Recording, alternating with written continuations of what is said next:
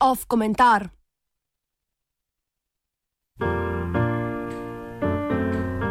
Ali je tokrat drugače?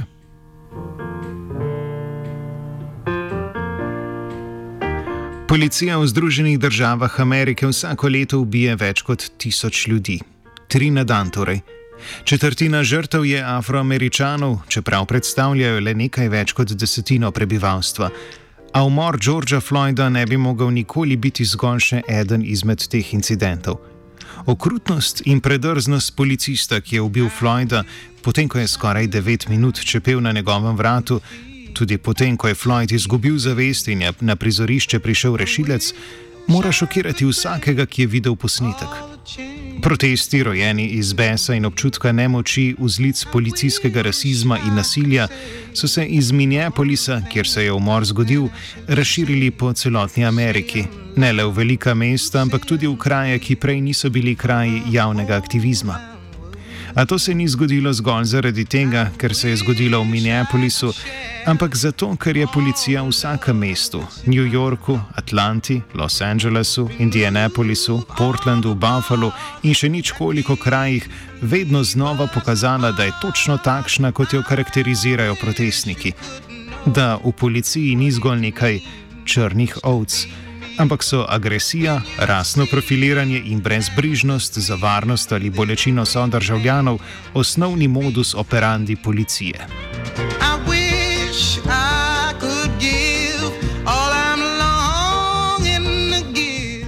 Številni posnetki ravnanja policije na protestih, ki so krožili po družbenih omrežjih in se občasno znašli celo na večernih poročilih, so očitno povzročili, da to ni bil zgolj še en val protestov Black Lives Matter, ki so se začeli pred nekaj manj kot šestimi leti po umoru Michaela Browna v Fergusonu.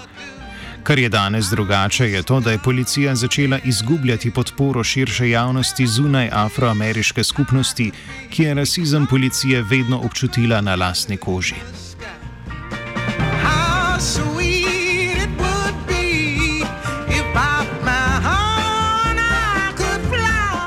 Policija je bila v ZDA vedno med najbolj spoštovanimi institucijami, pred njo je bila samo še vojska. Policija je priljubljenost vedno izkoriščala, da se je izognila odgovornosti. Ko je leta 1967 med izgredi v New Yorku ubila več kot 20 ljudi, največ potem, ko so se nemiri že končali, je večina američanov verjela, da je morala policija že imeti upravičen razlog, da je streljala.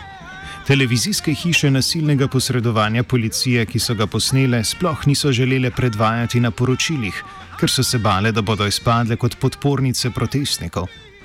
Ko so se takšni posnetki znašli na televiziji, so gledalci klicali s pritožbami, zakaj ni bila prikazana tudi provokacija žrtev policije, ki so si te peškanje po mnenju klicateljev nedvomno zaslužili. V naslednjih desetletjih so porote na sodiščih stalno oproščale tiste redke policiste, ki so se zaradi obojev in nasilja nad afroameričani znašli pred sodišči. Te sodne prakse protestov, ki so sledili takšnim oprostitvam, od nemeru v Los, nemeru v Los Angelesu leta 1992 do protestov v Fergusonu leta 2014, niso ustavili. Še več. V 90-ih letih so nemiri v Los Angelesu dvignili podporo ostri reformi kazanskega zakonika, ki je dve leti kasneje močno zaustrila kazni za kriminalna dejanja, še posebej tista, ki, ki, od, ki so bila bolj pogosta med afroameričani in povečala število policistov.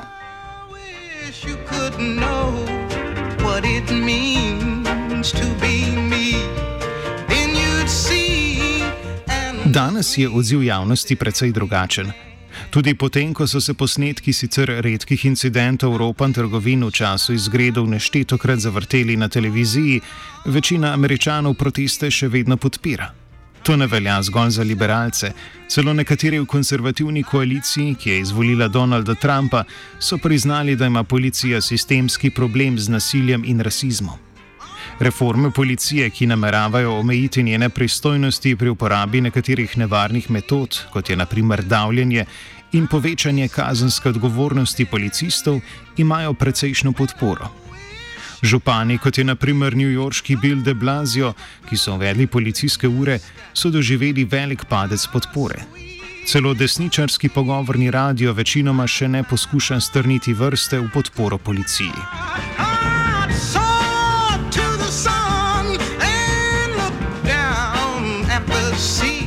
Tak odziv javnosti ni zgolj posledica ogorčenja nad primeri policijskega nasilja. Zelo običajno je namreč, še posebno v situacijah, v katerih je državno nasilje tisto, ki vzdržuje družbeni red, da v družbi obstajajo kategorije ljudi, nad katerimi bo večinska populacija tolerirala in celo podpirala veliko stopnjo nasilja. To so veliko krat etnične manjšine, včasih pa politične skupine. Nasilje proti tem skupinam se lahko nadaljuje, ne da bi to predstavljalo problem za policijo ali oblast. Afroameričani v ZDA so tipičen primer takšne skupine. Predhodniki policije v Ameriki so bile prav oborožene skupine, ki so lovile pobegle sužnje. Svojo sled pa imajo te milice tudi v ameriški ustavi, saj je bil prav zaradi njih sprejet slavni drugi amandma, ki američanom danes zagotavlja neomejeno pravico do orožja. Say, say loud, say clear, for the whole round world to hear. Oblasti zaidejo v težave takrat, ko pozabijo na to, kje je meja med tistimi, nad katerimi se nasilje v družbi tolerira in nad katerimi ne. V Grčiji je v času vladavine vojaške hunte lahko država, naprimer, brez skrbi pred jezo ljudstva preganjala komuniste in usiljevala grško identiteto manjšinam, kot so Makedonci na severu države. Legitimnost so polkovniki izgubili šele, ko so se spravili na študente Atenske politehnične univerze. Podobno je bilo recimo v Južni Koreji, ki se je prav tako demokratizirala, ko je režim poskusil nasilno zadušiti študentsko gibanje in se je državno nasilje približalo srednjemu razredu v Seulu. Like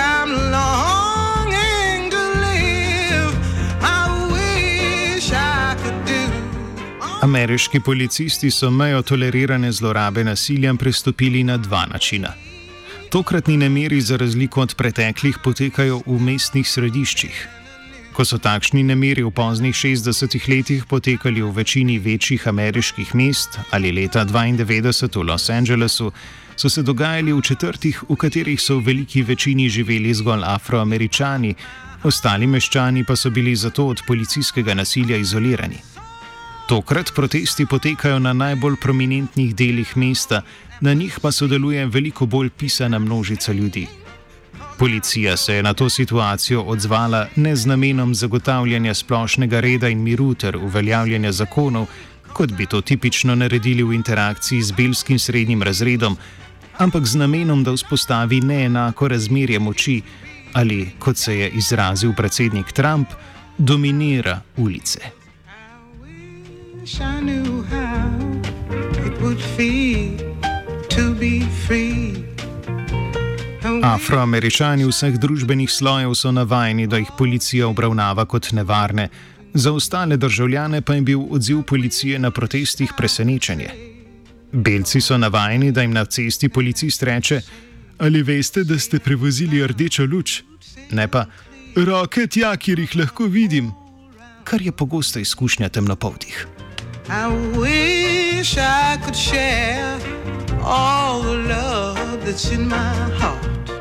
Druga sprememba je, da je zavedanje o policijskem nasilju z usponom dela afroameriške populacije v srednji sloj postalo bolj vertikalno razširjeno v družbi. Vzpon v srednji sloj ne prinese seboj zgolj ekonomskih ugodnosti, ampak tudi pričakovanja o politični moči in boljši obravnavi strani oblasti. Tiste afroameričane, ki so se bodi si po ekonomski, bodi si politični funkciji povzpeli v širše definirano ameriš, ameriško elito, jih ta status ne varuje pred rasizmom policije. Danes imajo tudi z vplivom na belo večino v tej eliti moč, da glede tega poskušajo kaj ukreniti.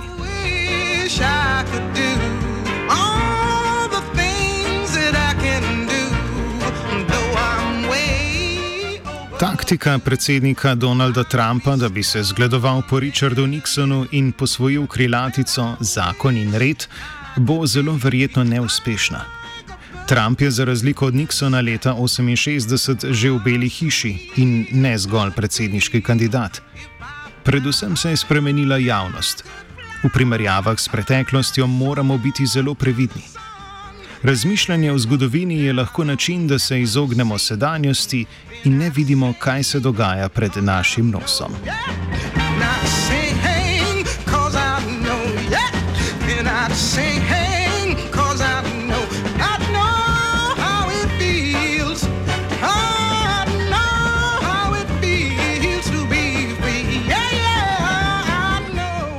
Komentiral je Gal.